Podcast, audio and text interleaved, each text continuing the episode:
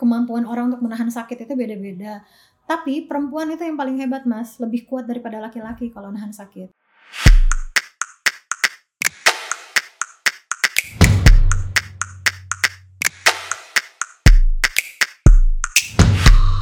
Halo, ketemu lagi dengan saya Tutut EA, Kepala Suku Mojo dan kali ini kami mendatangi seorang artis tato perempuan Mhm. Mbak Anneke Fitrianti. Halo. Halo. Udah biasa dia menghadap kamera ya. Dulu model kan? Enggak juga, Eh. bukan bukan model, cuma Hah? dipakai eh, project eksperimental teman-teman fotografer aja. Oh gitu. Benar. Iya, Ah, project hore aja itu. waktu muda dulu, muda Iya. sekarang juga masih muda ya. Iya, cuma iseng aja mas. Ah, Ya aku senang-senang aja gitu. Enggak Kamu- untuk jadi profesi enggak. bukan untuk profesi, Enggak. Tapi pernah dapat uang dari situ. Iya sedikit, cuman tidak untuk hidup lah, karena Ah. memang nggak nggak fokus di situ kan. Kenapa kalau boleh tahu? Em, karena apa ya? Karena kalau model itu identik dengan mengandalkan fisik, Oke. dan aku merasa aku punya value lebih, jadi aku menggali uh, skillku di bagian yang lain gitu. Ah. Kalau misalnya dilihat aku cocok jadi model itu plus poin, cuman aku bisa yang lain kok gitu. Jadi aku nggak Hmm. Waktu itu kamu merasa punya apa keterampilan apa yang tersembunyi di dirimu? eh ini kalau boleh jujur ya. Ya sebaiknya sih jujur. Iya. Jadi kalau boleh jujur sebenarnya dulu aku sempat ingin menjadi penulis karena dulu Ah. aku ya karena aku ngefans sama buku-buku Mas Putut. Loh, loh, loh. Itu itu benar, ini benar. Dari Oh. awal 2001 itu kayaknya aku tam- buku pertamaku mungkin kayaknya dua tangisan pada satu malam itu yang aku Ah. Mm, terus Di Bandung Hmm. usia berapa tuh? Itu masih belasan aku Oh, iya? masih Iya, usia iya. labil makanya aku bilang dulu ngeklik banget karena Mas Putut tulisannya dulu dark dan itu cocok Hmm. sama masa remajaku karena itu terbit 2003 loh. hmm atau yang eh, apa ya sarapan pagi penuh dusta Sama, itu Sama. 2004. oke Iya. antara itu Itu awal-awal aku jadi penulis Uh-uh. kan. Sebuah kitab yang tak nah suci. iya sebuah kita yang tak suci Sarapan pagi penuh dusta. orang-orang yang bergegas Ah, itu tahun-tahun itu. Mhm. Oh, kamu udah baca itu? iya saya punya semua bukunya tahu. gitu itu ya penulis. sempat jadi pengen jadi penulis Ah, Cuman kayak yang tadi kita udah obrolin ternyata untuk membuat karya tulis itu memang harus didukung dengan eh, banyak hal dan kesedihan itu semuanya sebuah trigger yang paling oke untuk memberi inspirasi ya. Jadi karena kalau hidup kita baik-baik aja nggak ada yang bisa ditulis gitu. Dan orang sebenarnya nggak nggak mau baca cerita bahagia buat apa gitu. Hmm. Dan waktu itu kamu merasa hidupmu lagi baik-baik saja? Em, nggak juga sih penuh gejolak lah masa muda aku tuh penuh gejolak memang. Oh. terus ternyata em, terlalu depresi gitu yang ku tulis jadi kayaknya enggak juga deh gitu Oh. dilihat-lihat dan aku memang eh, hobi menggambar cuman Oh, iya. kan kalau menggambar eh, dari orang tuaku ya seperti orang tua pada umumnya melihat tidak ada potensi dari kemampuan menggambar tuh mau nggak bisa hidup gitu dari menggambar gitu Oh, tapi orang tua memang bisa menggambar, maksudnya gitu. Hmm, ibuku ya, ibuku Oke. suka menggambar, suka dia suka bikin-bikin segala macam craft segala Oh, macam. oh. Terus tuh menurun bakatnya di kamu lah ya. Sepertinya begitu. Tapi nggak nggak terfasilitasi. Iya, Hmm. gitu. Ya mencari jati diri dengan banyak hal lah dulu. Eh, Terus akhirnya mencari jati dirinya prosesnya gimana tuh? Em, Ketika gambar itu nggak nggak nggak nggak dianggap sebagai menjanjikan gitu ya. Iya, tapi kan aku nggak peduli kata orang sih. Oke, Ha-ha, tah ketahuan sih, kelihatan. Jadi ya, Susah banget jadi artis tato kalau seorang perempuan, Ah. seorang artis tato ya bukan soal gender ini ya, tapi ya kita tahu sendiri lah. Pasti bisa jadi seperti ini butuh perjuangan yang luar biasa tuh. eh, eh, perjuangan untuk nggak peduli, bodoh amat gitu sama omongan orang. Eh, Ha-ha, karena aku tahu mungkin aku kayaknya bisa deh. Kalau mereka bisa, kenapa aku enggak gitu? Ya udah, jalanin aja. Tapi itu waktu itu masih soal gambar, Mm-mm. belum memilih medium tato. Belum. Aku aku mencoba berbagai macam profesi untuk bertahan hidup. Itu Apa karena macam-macam. Karena aku dulu eh keluar dari rumah, kabur lebih tepatnya itu umur 16 tahun. kabur dari rumah? Iya. ya biasalah di setiap keluarga harus ada yang begitu mas Nah, Oh, eh, kakak-kakakku tapi kabur semuanya untuk balik lagi atau oh, kabur? enggak kabur untuk pergi selamanya Oh ya? iya Wow. di umur 16 jadi targetku dulu memang pengennya itu eh, backpacker Hmm. keliling Indonesia dulu lah gitu at least aku pokoknya Oke. pengen solo traveling Hmm. eh, sampai umurku 30 dulu targetnya itu cuman ya ternyata sampai di usia 22 21 aku berhenti karena aku waktu itu punya anak akhirnya jadi Hmm. berhenti cuman eh, sa- dari umur 16 tahun sampai umur 21 itu ya aku keliling Indonesia sendiri sana sini ya? untuk survive ya aku kerja apa pun yang bisa aku lakukan mau jadi eh, apa pun lah kerja di restoran eh, jadi bartender Oh ya? masak Kayak di cerita-cerita novel nih. Bener, tapi iya heeh. terus eh, ngurusin orang jompo Oh ya? apalagi ya oh kerja kantorannya pernah se- semua ya semuanya nyanyi jadi penyanyi di klub gitu-gitu mas semuanya aku coba? Bener? Di mana tuh? Di Bali? Jadi penyanyi? di waktu itu di Jakarta Di Jakarta. Kalau yang kerja di restoran? kerja di restoran di mana-mana karena dulu aku sekolahnya perhotelan memang eh, F&B Di. Bandung? di Bandung Hmm. SMK waktu itu Oh SMK. Mhm. Ya. jadi ya Kaburnya lulus SMK. nggak lulus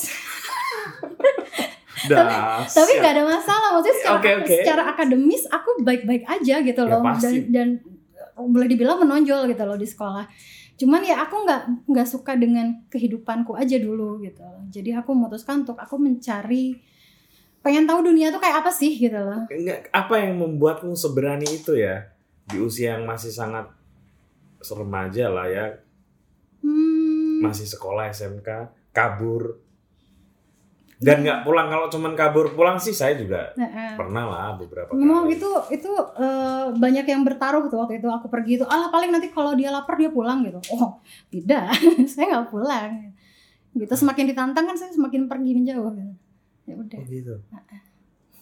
Apa yang bikin berani ya? Ya aku mencari kebahagiaanku sendiri aja dengan caraku. Dan itu ditemukan Akhirnya ditemukan. Memang nggak langsung. Aku akhirnya nemu. lewat eh, salah satunya lewat eh, jadi artis tato. Mm-mm, betul. Terus gimana tuh ceritanya bisa eh, bersinggungan terus menekuni dunia tato? Em, kalau tato sendiri sebenarnya bukan hal yang asing buatku karena ibuku bertato, ayah Hmm. kandungku bertato. Hmm. Terus eh, dulu kalau ibuku kerja, aku dititipin sama temannya yang adalah tato artisnya dia, tukang tatonya dia.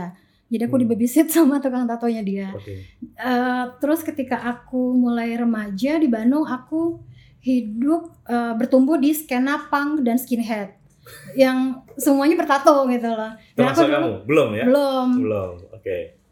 Ya tapi aku dulu tatoan pertama tuh nomor 16 juga itu mas. Oh ya? Ah, ah. Hmm. Seharusnya memang nggak boleh ya kalau sekarang ada peraturan bahwa tidak boleh mentato anak di bawah umur. Cuman pada waktu itu tahun segitu kayaknya orang bodoh amat jadi aku ya ditato-tato Oh, ada aja. aturan tato ya sekarang. Mm-mm. Oke. Berapa umur yang boleh ditato? 17 minimal sih itu juga kalau bisa eh, orang tuanya kalau bisa ikut. Jadi aku nggak nggak ada yang me- apa namanya nggak di apa dituntut gitu loh. Sorry, itu memang aturan resmi atau menurut pandanganmu aja? Sebaiknya nggak menato orang di bawah usia 17 tahun. Itu peraturan tidak tertulis internasional sih sebenarnya. Hmm. Ya karena anak umur segitu kan mereka belum masih labil mas belum bisa menentukan mungkin sekarang bilangnya pengen ikut tapi kita nggak tahu masa depannya dia mau jadi apa mau ngapain itu lebih ke tanggung jawab moral aja sih Hmm. Oke, bisa dilanjut tadi. Mhm. tadi sampai mana Terus ya sudah akrab dengan tato Oh, sejak iya. kecil. terus ya itu Ditato umur 16. Kalau boleh tahu tato apa? dulu tato pertamaku itu salib karena ya biar kalau ketahuan nggak dimarahin gitu kan religius ya Oke. gitu tapi sekarang nggak sereligius itu juga gitu. aku lebih ke spiritualis sekarang daripada religius ya, ya. Terus, hmm, ya itu teman-temanku semuanya bertato. Terus aku kenal banyak tato artis juga. Dulu aku pernah beberapa kali pacaran sama tato artis juga gitu dan Hmm. aku lihat-lihat kayaknya ini sebuah pekerjaan yang membutuhkan skill gitu loh. Dan skill itu kan bisa dipelajari oleh siapa pun, tinggal dipelajari tekniknya kan. Kalau Oke. kamu udah ada kemampuan menggambar, tinggal belajar tekniknya. Cuma- sorry, kamu eh, mengasah keterampilan menggambarmu yang punya bakat gambar tadi, Hmm. selalu kamu asah nggak? Eh, enggak juga sih. Nggak, Jadi ya? memang semauku aja dulu sih Hmm. untuk menggambar. Cuman ya kalau mau dicoba ya bisa gitu loh. Aku mau disuruh masak ya bisa, disuruh apa ya bisa gitu loh. Se- Semuanya serba bisa, semua skill itu bisa sedikit-sedikit bisa. Eh, Karena aku tipe yang pengen belajar kalau udah bisa oh ya udah aku nyoba yang lain selalu gitu. Oke. Ya, cuman berguna sih Eh, sekarang gitu. Akhirnya gimana tuh menekuni keterampilan tato? Em, ya itu dulu. Jadi ketika masih masih muda itu aku kalau minta diajarin sama teman-teman laki-laki, mereka selalu bilang kayak ngapain sih belajar tato? Perempuan juga gitu. Selalu Oke. perempuan gitu. Mhm. Sampai kemudian eh, masuklah TV kabel di Indonesia. Mhm. Ada itu program yang namanya Miami Ink. Di situ eh, tokoh karakter utamanya itu tato artis cewek dari Miami yang Kat Von D. Cuman pada saat itu kan aku masih hidup di jalan kan, aku nggak nggak ada tempat tinggal yang settle. Aku boro-boro punya TV kabel. Cuman semua orang kayak, kamu mau belajar tato pengen kayak Kat Von D. Aku nggak tahu siapa itu Kat Von D. Aku cuma pengen nato gitu. Ya udah nggak ada yang mau ngajarin sampai kemudian aku pindah ke Jogja. Aku ketemu Mas Atom. Tahu aku. Tato. Ah, Tato gitu. tato. Terus Hmm. ya dia tanya seberapa seriuskah aku mau belajar gitu karena dia nggak mau ngajarin kalau akunya nggak serius atau cuma buat gaya-gayaan gitu Eh, "Mm, enggak mas aku pengen hidup dari sini kalau bisa sih gitu ya udah gitu kita Hmm. belajar Waktu itu cukup lama kan setahun lebih belajar sama dia belajar nato dari eh, Atong ya? Mm-mm, setahun lebih. mm-mm. Terus gimana tuh ceritanya? Habis belajar nato, terus kemudian berusaha sendiri. belajar nato itu pun sebenarnya eh, belajar nat karena kalau di dunia tato eh, untuk jadi tato artis kamu nggak bisa ngambil sekolah yang cuman tiga bulan terus kamu dapat sertifikat itu nggak bisa gitu karena tato itu perlu dipelajari dari banyak segi gitu dari dari soal manajemen kita membangun attitude kita gimana caranya orang gumunan sama apa pun itu sama tubuh klien sama keputusan pilihan gambar klien kita nggak menjudge kita nggak nggak ya jangan gumunan lah intinya itu. Dan itu kan harus di apa ya dipahami karena itu nggak bisa dipelajari di sekolah tato yang cuma tiga bulan gitu loh hal-hal kayak Oke. gitu. Em, belajar tato itu kalau yang ah, udah-udah aku alamin dan dari banyak pengalaman teman-teman yang aku lihat di luar negeri terutama belajar tato itu kayak belajar kungfu. Oh, jadi em, kita belajar, kita mendapat ilmu, tapi terserah mentornya, terserah gurunya. Hmm. Dia mau ngajarinnya apa, terserah dia. Jadi kalau aku kemarin itu belajar tato sama Mas Atong, hampir selama satu tahun itu aku nggak diapa-apain, maksudnya nggak disuruh, nggak nggak sama sekali nggak megang mesin, nggak megang Oh, apa-ngapain. Terus disuruh apa dong? Cuma suruh merhatiin dia nato aja. Oh, Belajar belajar dari apa yang aku lihat, aku disuruh bersihin studio, aku disuruh belanja, aku disuruh beres-beres. Iya Segala mirip, pekerjaan. mirip ini ya, mirip orang lagi latihan Mm-mm, kungfu ya. mm-mm, jadi Suruh bersihin tempat asli. latihan gitu ya. itu tuh Hmm. mungkin eh, yang dia Suruh nimba air. oh, oh, mas tolong ngepel bersihin kaca belanja bulanan gitu. dia kayak dia ngetes kesabaranku sejauh mana aku itu sampai berapa bulan tuh di gitu? hampir setahun mas Hampir aku setahun? cuma disuruh dikasih PR gambar setiap hari Oke. suruh ngelihat dia kalau dia nato eh kalau aku nato itu kamu duduk sini dua pertanyaan dah itu doang jadi aku harus bener-bener Dua bijaksana. pertanyaan yang boleh kamu ajukan. Heeh, karena kepada dia nggak suka nato dan Diganggu. ngomong terus gitu nggak suka. Oke. Heeh, jadi aku harus nanya ya sebaik mungkin pertanyaannya gitu. Apa Kalau- tuh kalau boleh tahu misalnya pertanyaan yang kamu ajukan tuh waktu belajar dulu tuh? Ya soal gimana caranya bikin garis yang benar, Hmm. gimana caranya tinta untuk shading misalnya, Hmm. terus kenapa begini, kenapa begitu, kenapa jarumnya ini gitu-gitu lah. Oke. Gitu. Hmm. Ya udah sampai akhirnya satu tahun itu aku dibolehkan pegang mesin tato, tapi yang pertama aku tato itu buah-buahan. Tetap bukan orang. Maksudnya tato buah-buahan apa? kulit pepaya, eh kulit pisang, kulit eh, jeruk. Kayak kungfu bener ya? Eh, eh, mas itu sampai yang cuman itu kan untuk Itu bisa kayak apa pasir gitu ya? Ngambil. oh iya iya iya Ya kan? Heeh. Iya. melatih kesabaran kalau ini kan dia untuk gimana caranya nggak ngerusak si kulit buah Kulit, itu iya, iya, iya, iya.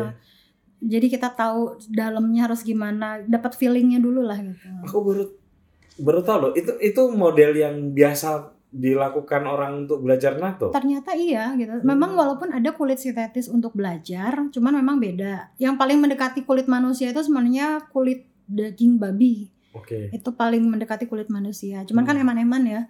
Ditato terus nggak bisa dimakan gitu kan, dibuang gitu malah percuma. Udah buah-buahan itu, terus kemudian baru ke badanku sendiri. Jadi Nato belajar nato badan sendiri? sendiri.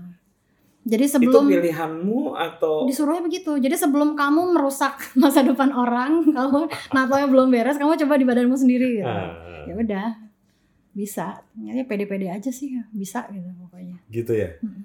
Terus eh pertama kali menato orang Pertama nato orang itu udah buka studio sendiri. belum, itu masih anak studio yang kerja sama aku.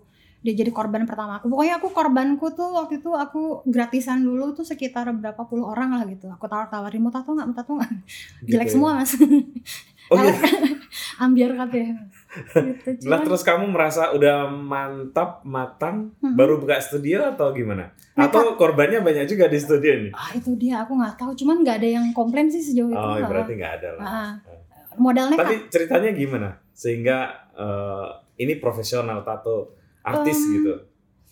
Hmm, akhirnya ya nekat waktu itu buka studio dengan modal benar-benar modal nekat dengan modalku cuma 10 juta kayaknya aku dulu untuk buka studio. Dan di sini. Ah, Hmm, jadi buat kontrakan sama benda-benda seadanya lah gitu. Pokoknya Oke. bagus banget. Jangan nekat. Dan itu 10 tahun lalu ya? Oh, oh, leb- Hmm. 11 tahun lalu lah. 11 tahun lalu. Oke. apa ya prosesnya panjang sih karena setahun dua tahun pertama juga nggak ada yang tahu aku siapa kan Terus gimana cara kamu memasarkan hmm, hmm, hmm, hmm. apa ya semuanya berjalan begitu saja sih karena eh, orang datang ke sini mungkin karena melihat terus mereka datang bukan karena ada aku di sini Hmm. cuma karena ada studio tato mereka nanya Hmm. dan selalu ditanya "Eh, tato artisnya yang mana ya padahal aku di depan dia gitu. Hmm. Saya dari waktu itu aku belum ada belum ada asisten belum ada Hmm. apa-apa ya sendiri. Hmm. dari buka studio ngepel sendiri beres-beres sendiri nato setup sendiri nompo duitnya dewe gitu. Bagus pokoknya. Terus dia pulang aku yang beres-beres ya gitu terus sendiri. Em, sampai akhirnya mungkin dari mulut ke mulut mulut ke mulut Oke. gitu. Ya jadi. Eh, pernah nggak di fase-fase awal itu kemudian berpikir kalau kayaknya nggak jadi deh jadi tato Mbak artis? sering itu mas, uh dua Iya. tahun pertama tuh aku nangis di pojokan ini nggak ada orang masuk, nggak ada Hmm. yang datang. Hmm. Mungkin se- sebulan mungkin cuma nato tiga kali, empat kali, Wih. cuma gitu doang. Cuman ya mau gimana kontrakan masih jalan terus Iya, kan. iya. Kalau nyerah sekarang wagu nih nanti. Hmm. Orang-orang sudah banyak yang eh apa ya memandang sebelah mata sebenarnya nih yakin nih gitu. Wah, Hmm. tetap jalan lah mau gimana juga gitu. Hmm. Tapi kemudian puji Tuhan rame sih ada aja yang datang lagi datang apa lagi. yang ingat nggak ada momentum yang ini nih saatnya untuk yakin gitu Oh iya itu ketika ada orang jauh-jauh datang dari Bali Hmm.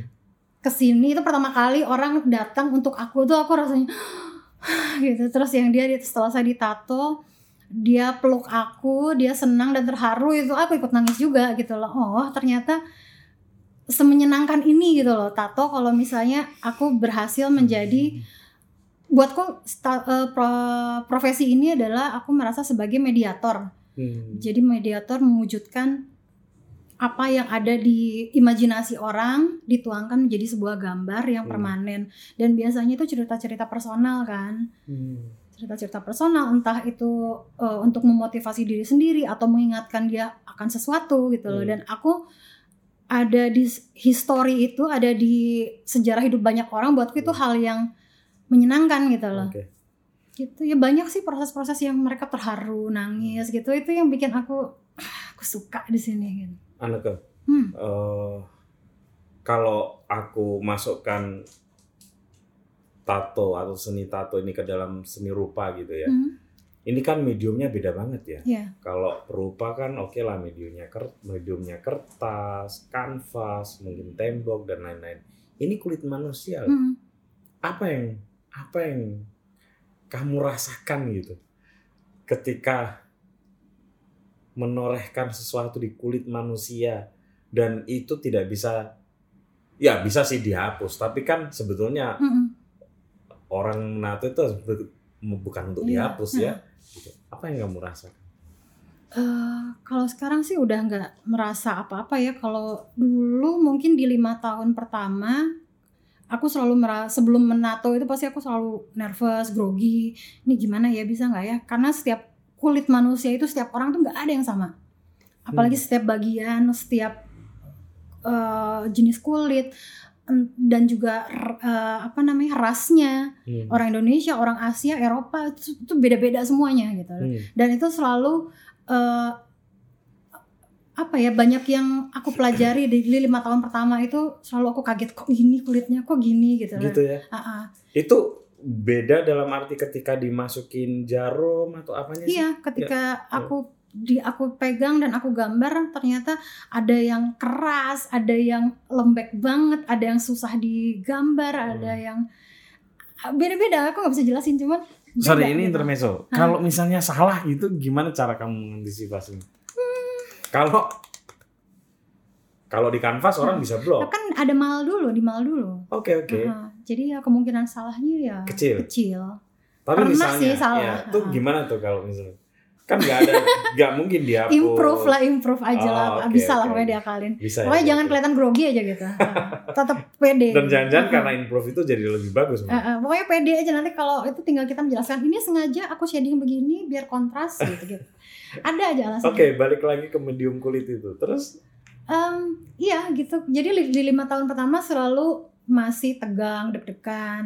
grogi tapi kalau sekarang udah nggak ada perasaan apa-apa ya udah autopilot aja ngerjain ya gambar aja biasa gitu Oke. justru malah buatku ketika aku proses nato itu aku otakku itu berada di eh, fase meditasi di situ aku bisa ngerasa kosong hmm, jalan gitu Fokus aja gitu ya. kadang kadang bahkan aku udah gak berpikir soal gambarnya lagi cuman ya jalan aja gitu hmm.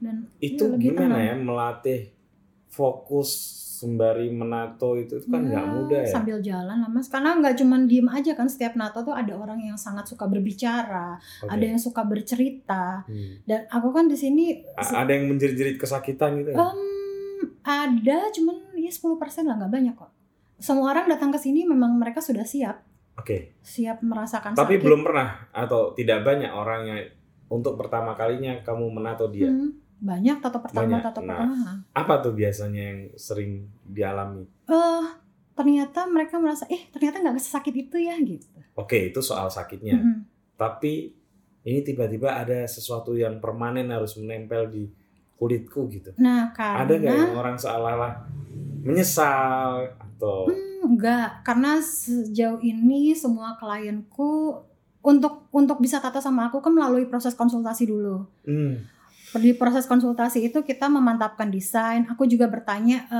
ini maksudnya apa, maknanya apa, ceritanya apa gitu loh. oh gitu. Eh, bukan untuk bukan buat kepo, cuman aku memang harus tahu eh, supaya masuk akal gitu loh dengan cerita yang mau dia tonjolkan. Oke, jadi gini lah misalnya aku mau nato, Hmm. apa yang harus aku lakukan kalau mau ditato oleh Anke? Eh, pertama kamu tahu apa yang kamu mau dulu, punya referensi. Kalau aku nggak punya, Iya dia bisa bercerita. hmm, Apa yang pengen kamu pengen kamu ceritain tuh apa di tato ini gitu loh. oke. Mm-mm. Terus, Terus ya biasanya aku kasih aku suggest beberapa pilihan misalnya. oke. Eh, soal penempatan di badan pun juga pasti kan akan aku bicarakan karena kita ngelihat profesimu apa apakah boleh kelihatan atau enggak terus kalau sosial di Hmm. kehidupan sosialmu gimana orang tuamu Hmm. keluarga bos Oh apa kayak gitu ya?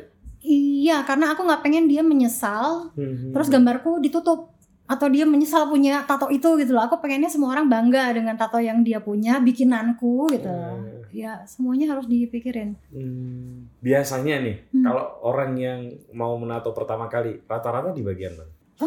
Nggak bisa digituin juga sih Nggak kadang bisa ya? kadang ada memang yang mereka di bagian tertutup karena memang nggak mau ketahuan orang tua atau Hmm. eh, apa bosnya misalnya Hmm. cuman ya ada juga yang memang dia hidupnya fine fine aja mau di bagian terbuka pun nggak apa-apa gitu jadi Tapi nggak ada. sorry, tato untuk ditutupi itu bukannya agak kontradiktif ya?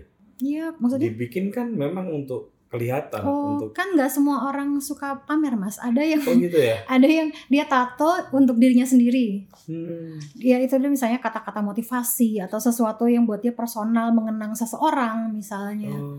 atau orang tuanya atau apa pun itulah gitu loh. Dia cuman dia Oh, pengen iya, bisa iya. lihat untuk dirinya sendiri ya. Oh, oh. Gitu. Nah, kamu kan memilih untuk menato dengan tinta hitam ya. Hmm. Itu kenapa? Buatku hitam itu apa ya? Warna yang paling netral aja sih. Jadi mau kita nanti menua pun tidak akan terlihat konyol gitu loh.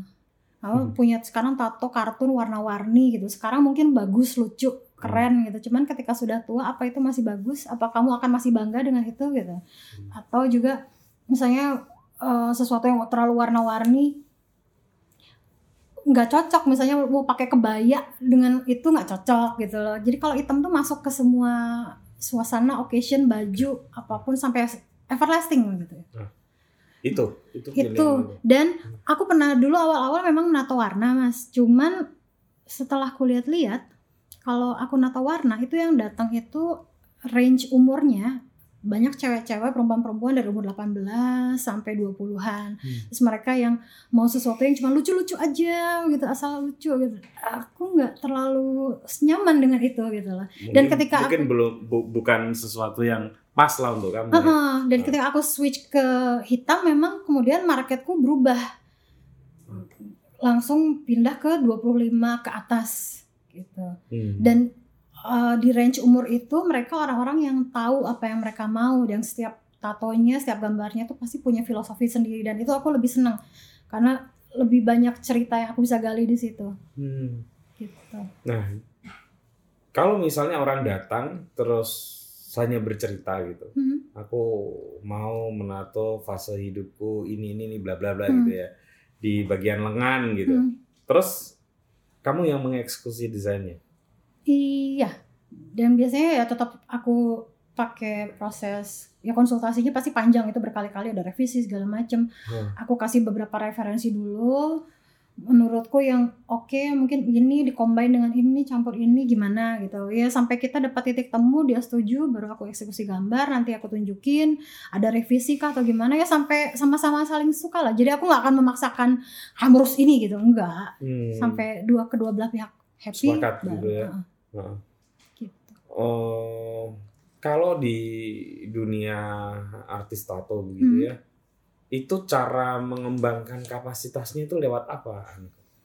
Orang menambah keterampilannya atau wawasannya Hmm. atau apa pun lah. Kal ya itu personal sih ya Hmm. gimana caranya mereka menggali ada yang teman-teman tato artis yang juga profesinya pelukis Oke. ada teman tato artis yang profesinya dia street artist Hmm. tapi sebenarnya untuk untuk untuk lebih menggali lebih dalam skill kita sebenarnya memang harusnya itu banyak-banyakin dolan yang jauh ya. Eh, dalam arti cobalah eh, ke luar negeri misalnya kamu Hmm. ikut ke pameran convention eh, jadi guest artist di studio-studio luar di situ kita bisa Hmm. belajar bertukar pola pikir bertukar cara kerja dan pasti kan juga semuanya akan beda gitu loh cara kerja mereka eh, cara mereka memanage bisnis sebenarnya itu cuman Hmm. kalau buat aku karena sekarang aku masih eh, 24 jam sebagai ibu jadi Hmm. aku nggak mau egois meninggalkan anakku untuk karirku gitu loh. Ya. Jadi sampai dia lepas usia 17, aku memang rencana aku pengen pergi explore, aku pengen traveling yang jauh, aku pengen pengen ngelihat dunia, Hmm. pengen jalan-jalan. Ada nggak sih kalau di tato begitu ya? Hmm. eh, kalau di seni rupa kan misalnya ada seni rupa yang lagi berkembang tuh misalnya kayak Cina gitu. Mhm. atau misalnya eh, galerinya di Jerman gitu, di Italia Hmm. gitu ya. Kalau di eh, dunia pertatoan Hmm. gitu, ada nggak hal-hal kayak gitu? Benchmark Hmm. negara atau artis gitu. Banyak kalau kayak sekarang dilihat di Instagram aja dari dunia tato itu ngeri perkembangannya cepet banget dan generasi yang muda-muda terutama ya mereka Hmm. lebih lebih eksperimental lebih gila karena juga didukung oleh uh, kulturnya Hmm. kultur di negara masing-masing kalau di sini kita mau mau mau ngedan istilahnya mau gila itu tidak didukung karena nggak ada kliennya yang mau nanti Apa tuh misalnya nih? ya macem-macem kayak banyak misalnya karya yang eh, di Rusia banyak tato artis yang mereka karyanya abstrak jadi cuman kayak coret-coret-coret kayak tinta splash splash splash di badan Oh, gitu oke. itu itu bagus keren tapi itu eh, spesifik untuk komunitas tertentu nggak bisa kita tawarkan Hmm. itu di sini gitu Hmm. akan terlihat aneh karena Hmm. orang sini maunya ya tetap dari tahun ke tahun ke- ke- kurang lebih sama aja stylenya gitu Hmm. Terus tapi yang yang yang karyanya gila-gila itu memang banyaknya Rusia. Terus yang sekarang oke-oke juga kayak eh, Korea, Hong Kong itu malah juga keren-keren mereka. Hmm. Apa sih yang dimaksud keren dalam perkembangan dunia tato? Apakah desainnya atau cara menatonya atau apanya itu? Desain sih ya. Desainnya. Ha-ha. Hmm. Kalau cara mentato kan memang ya kurang lebih sama-sama aja. gitu. Hmm. Desain. Kan ada yang hand tapping ya. sana. Ha-ha, hand tapping, Oh. ada hand poke. Hmm. Em, cuman ya itu kan eh, baru muncul belakangan ini aja kalau yang kayak hand poke. Kalau hand tapping kan memang dia berasal dari kultur yang sudah Iya, tua, sudah iya, lama. iya. Memang tradisionalnya kan begitu. Di Indonesia kan sebetulnya ada banyak tuh ya, suku-suku Mhm. kita yang memang mengidentifikasi diri mereka dengan alam yang di apa ya Di setiap kultur mas di seluruh dunia pun mereka Mm-mm, pasti mm. punya tato. Oke. Ha-ha. Ya itu. Ya apa yang disebut keren ya? Ya dari desainnya sih, dari desainnya. Artinya hmm, banyak hal di tato itu yang kemudian bukan hanya bersifat artistik kan Mm-mm. sebetulnya. Kan kayak misalnya mentawai begitu. Mm-mm. Ya aku baca-baca aja sih. Mm-mm. Itu kan karena ada sesuatu yang mesti mereka tatokan ke dalam tubuh. Mm-mm. Karena itu Mereka kan bagian eh, dari identitas. ya stratanya mereka. Mm-mm, dan lain-lain gitu ya. Mm-mm, itu kan tu- tujuannya lebih ke spiritual ya. Hmm. Ah, kalau sekarang mungkin kalau anak muda Arti Memang sebagai apa? Artistik lah ya. iya modifikasi tubuh aja gitu Hmm. untuk terlihat berbeda gitu. Karena statement sih, lebih ke statement, Statement. diri. ha. Hmm. Kalau desain gitu, Mhm. Anak kan eh, memperkaya desain setiap waktu, setiap saat. Gak kalau perupa kan nyeket atau Mm-mm. apa gitu. Ada nggak Eh, daily rutin gitu? aku menggambar itu ya untuk untuk desain natoku selanjutnya. Jadi aku Hmm. ya karena PR-nya kan lumayan banyak. Jadi tiap orang kan pasti desainnya beda-beda. Mm-mm. Itu selalu bikin sendiri. Eh, sebagian besar ya, Iya. sebagian besar pasti custom. Ya, Apa kan- tantangannya kalau di situ? sekarang sih udah nggak terlalu banyak tantangan ya. Kalau dulu awal-awal itu aku nato itu pasti klien itu ada aja revisinya, ada aja yang diganti komplainnya tuh ada aja gitu. Jadi Hmm. butuh berapa kali gambar, ganti gambar, ganti gambar, gambar. Kalau sekarang eh, mereka cenderung kayak yang "Eh, pokoknya aku percaya aja sama Mbak Ana dibikinin gitu dan selalu kalau aku kasih lihat ya oke gitu jadi nggak udah nggak terlalu Hmm.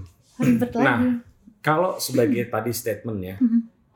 berarti ada bahasa visual tato ya? Anda tahu nggak misalnya orang dengan tato ini sebetulnya orang ini mau menyatakan apa gitu? Eh, bukan yang kamu tato ya, Hmm. tapi misalnya di jalan lewat atau ketemu orang gitu. Oh ya jelas kelihatan lah gitu Oh gitu ya? Heeh, jelas kelihatan Oh, dari dari cara berpakaian dari tato yang dia pakai itu akan terlihat karaktermu Oh. sebenarnya terbaca gitu karena A- apalagi untuk artis tatonya. Ah, terutama Kalau untuk karena- orang awam mungkin nggak tahu Iya. lah dia ya. kalau aku Oh, kan gitu. sekarang orangnya jadi sangat visual ya ngelihat ini akhirnya bisa ketebak ini Hmm. pasti tato zamanmu muda waktu kamu masih begini masih labil masih begini iya gitu iya kebaca sih Hmm. Nah. Apa yang paling membahagiakanmu ketika menato itu? Hmm, ya itu menjadi bagian sejarah dari hidup mereka. Eh, banyak yang aku pelajari sebenarnya bukan cuma soal menato, akhirnya aku belajar soal manusia tentang Hmm. cerita-cerita mereka. Ba- Soalnya gini mas, ketika aku nato di sesi misalnya katakanlah dua jam, tiga jam, Hmm. di situ kan kemudian tercipta chemistry.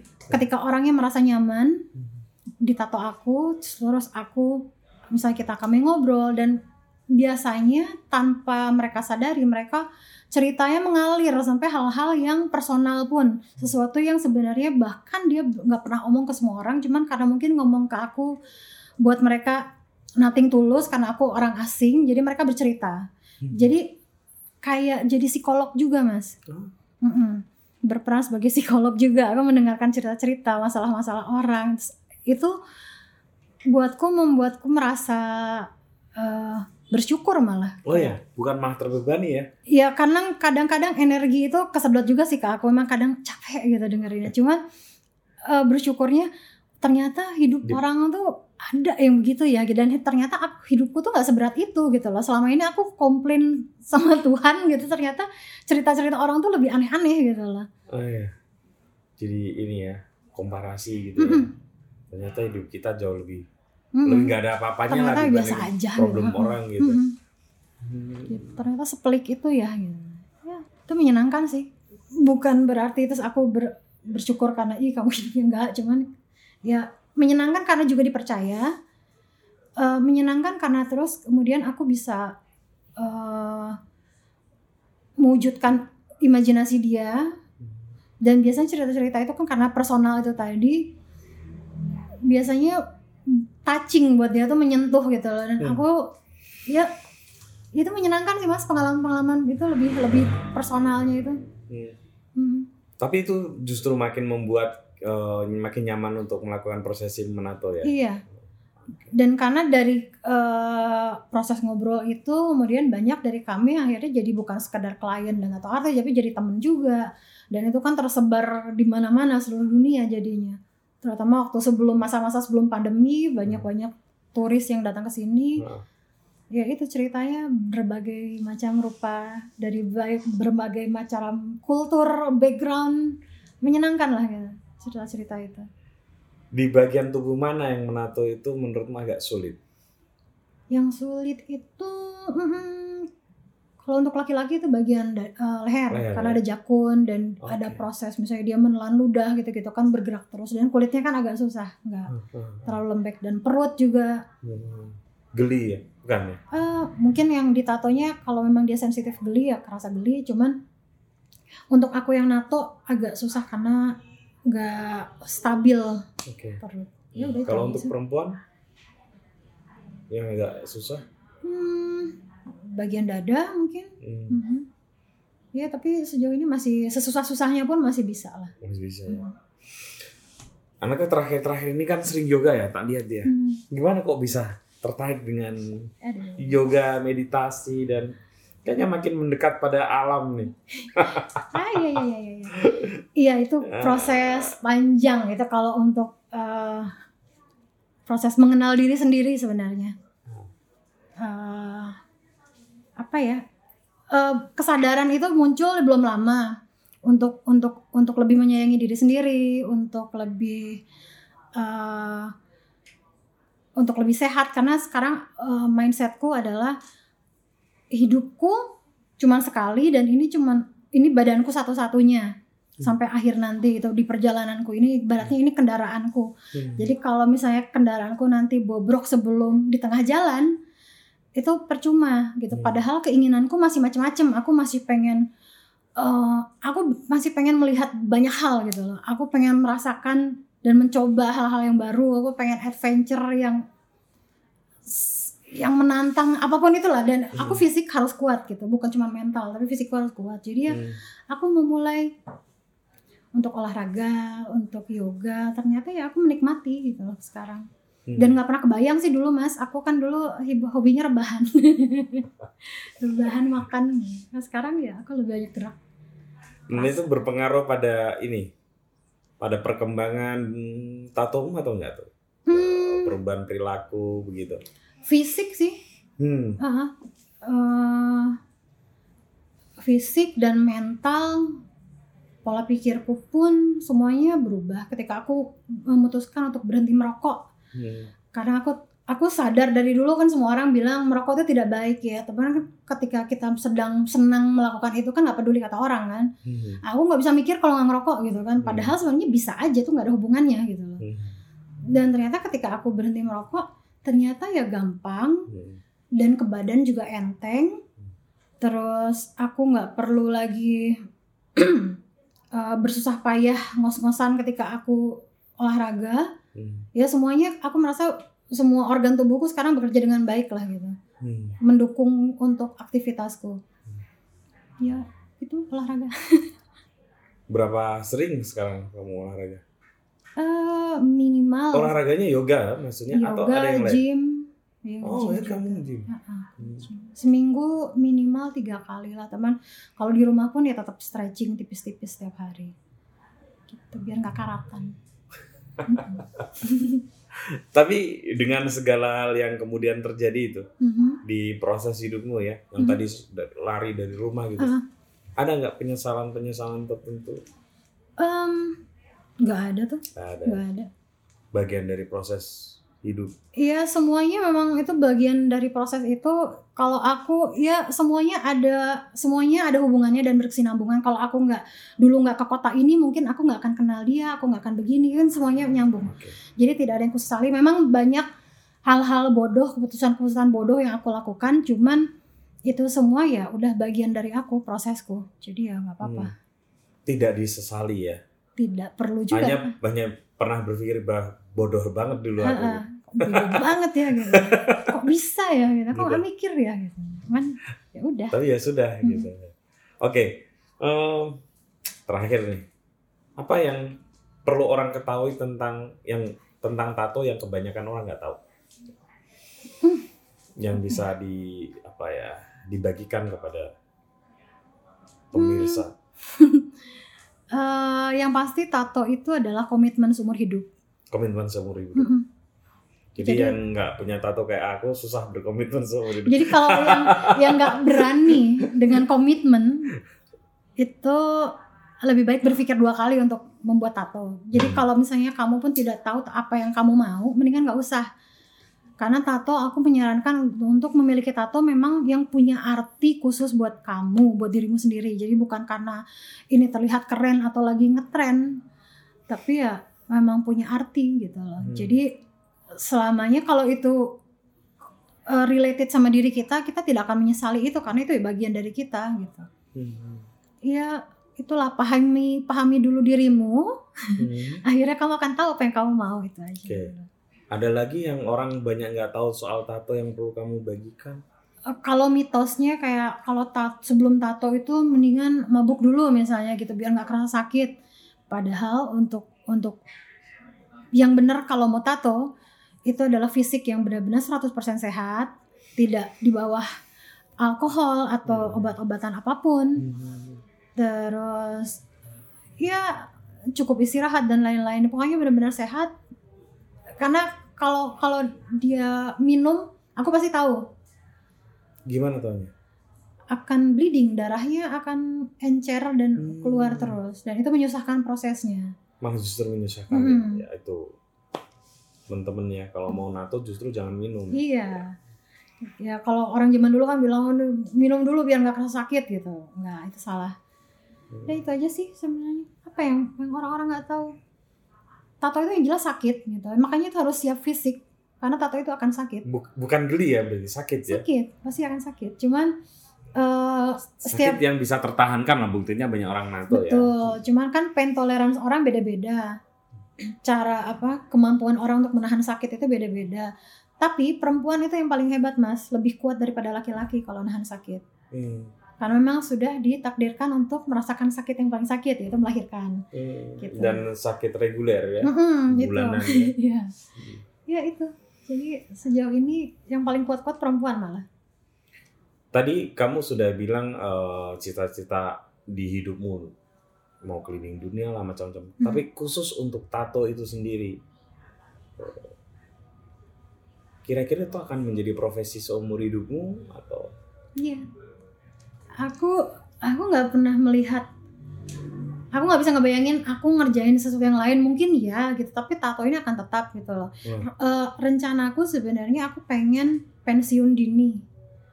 Di usia 40 aku pengen pensiun dini nggak mau terlalu ngoyo cari duit aku pengen traveling pengen jalan-jalan tapi jalan-jalanku pun tetap aku Sambil nato. hmm, sambil nato jadi guest artist di mana di mana di mana cuman aku nggak pengen terlalu ngoyo. Kalau sekarang kan aku nato dari senin sampai sabtu aku nato terus. Nah pensiun diniku tuh aku pengen nanti aku tinggal di sesuatu di di suatu tempat yang jauh di atas gunung misalnya.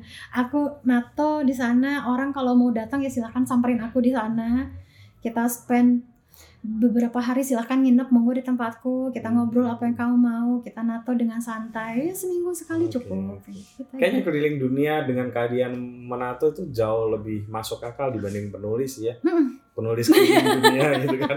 Iya. Penulis Tapi kan itu dunia ada pengalaman- menjajakan tulisannya kan kayaknya nggak mungkin ya. tapi kan mungkin kamu mencari pengalaman cari inspirasi cerita kalau kamu Iya, ya, tapi kan kalau artis tato kan masih kebayang ya Mm-mm. atau tukang masak Mm-mm. gitu ya, pergi ke satu negara kemudian menato lalu uangnya dipakai untuk hidup di situ dan kemudian Iya. melanjutkan kayaknya lebih masuk akal. Kalau penulis kan rasanya agak tidak masuk lagi mana mas mau ganti profesi Terima kasih saya nggak bisa. saya nggak bisa. nah kan sekarang jadi youtuber Eh, iya, Nah, iya. karena panggilan Oh, iya. kantor. Oke, Anaka, terima kasih banyak ya. sama-sama Iya. mas Putut Sukses terus deh ya. makasih Dan ya semoga terus bugar. amin mas Putut juga Ah, terima kasih. Oke teman-teman, ketemu lagi dengan saya di tamu saya berikutnya.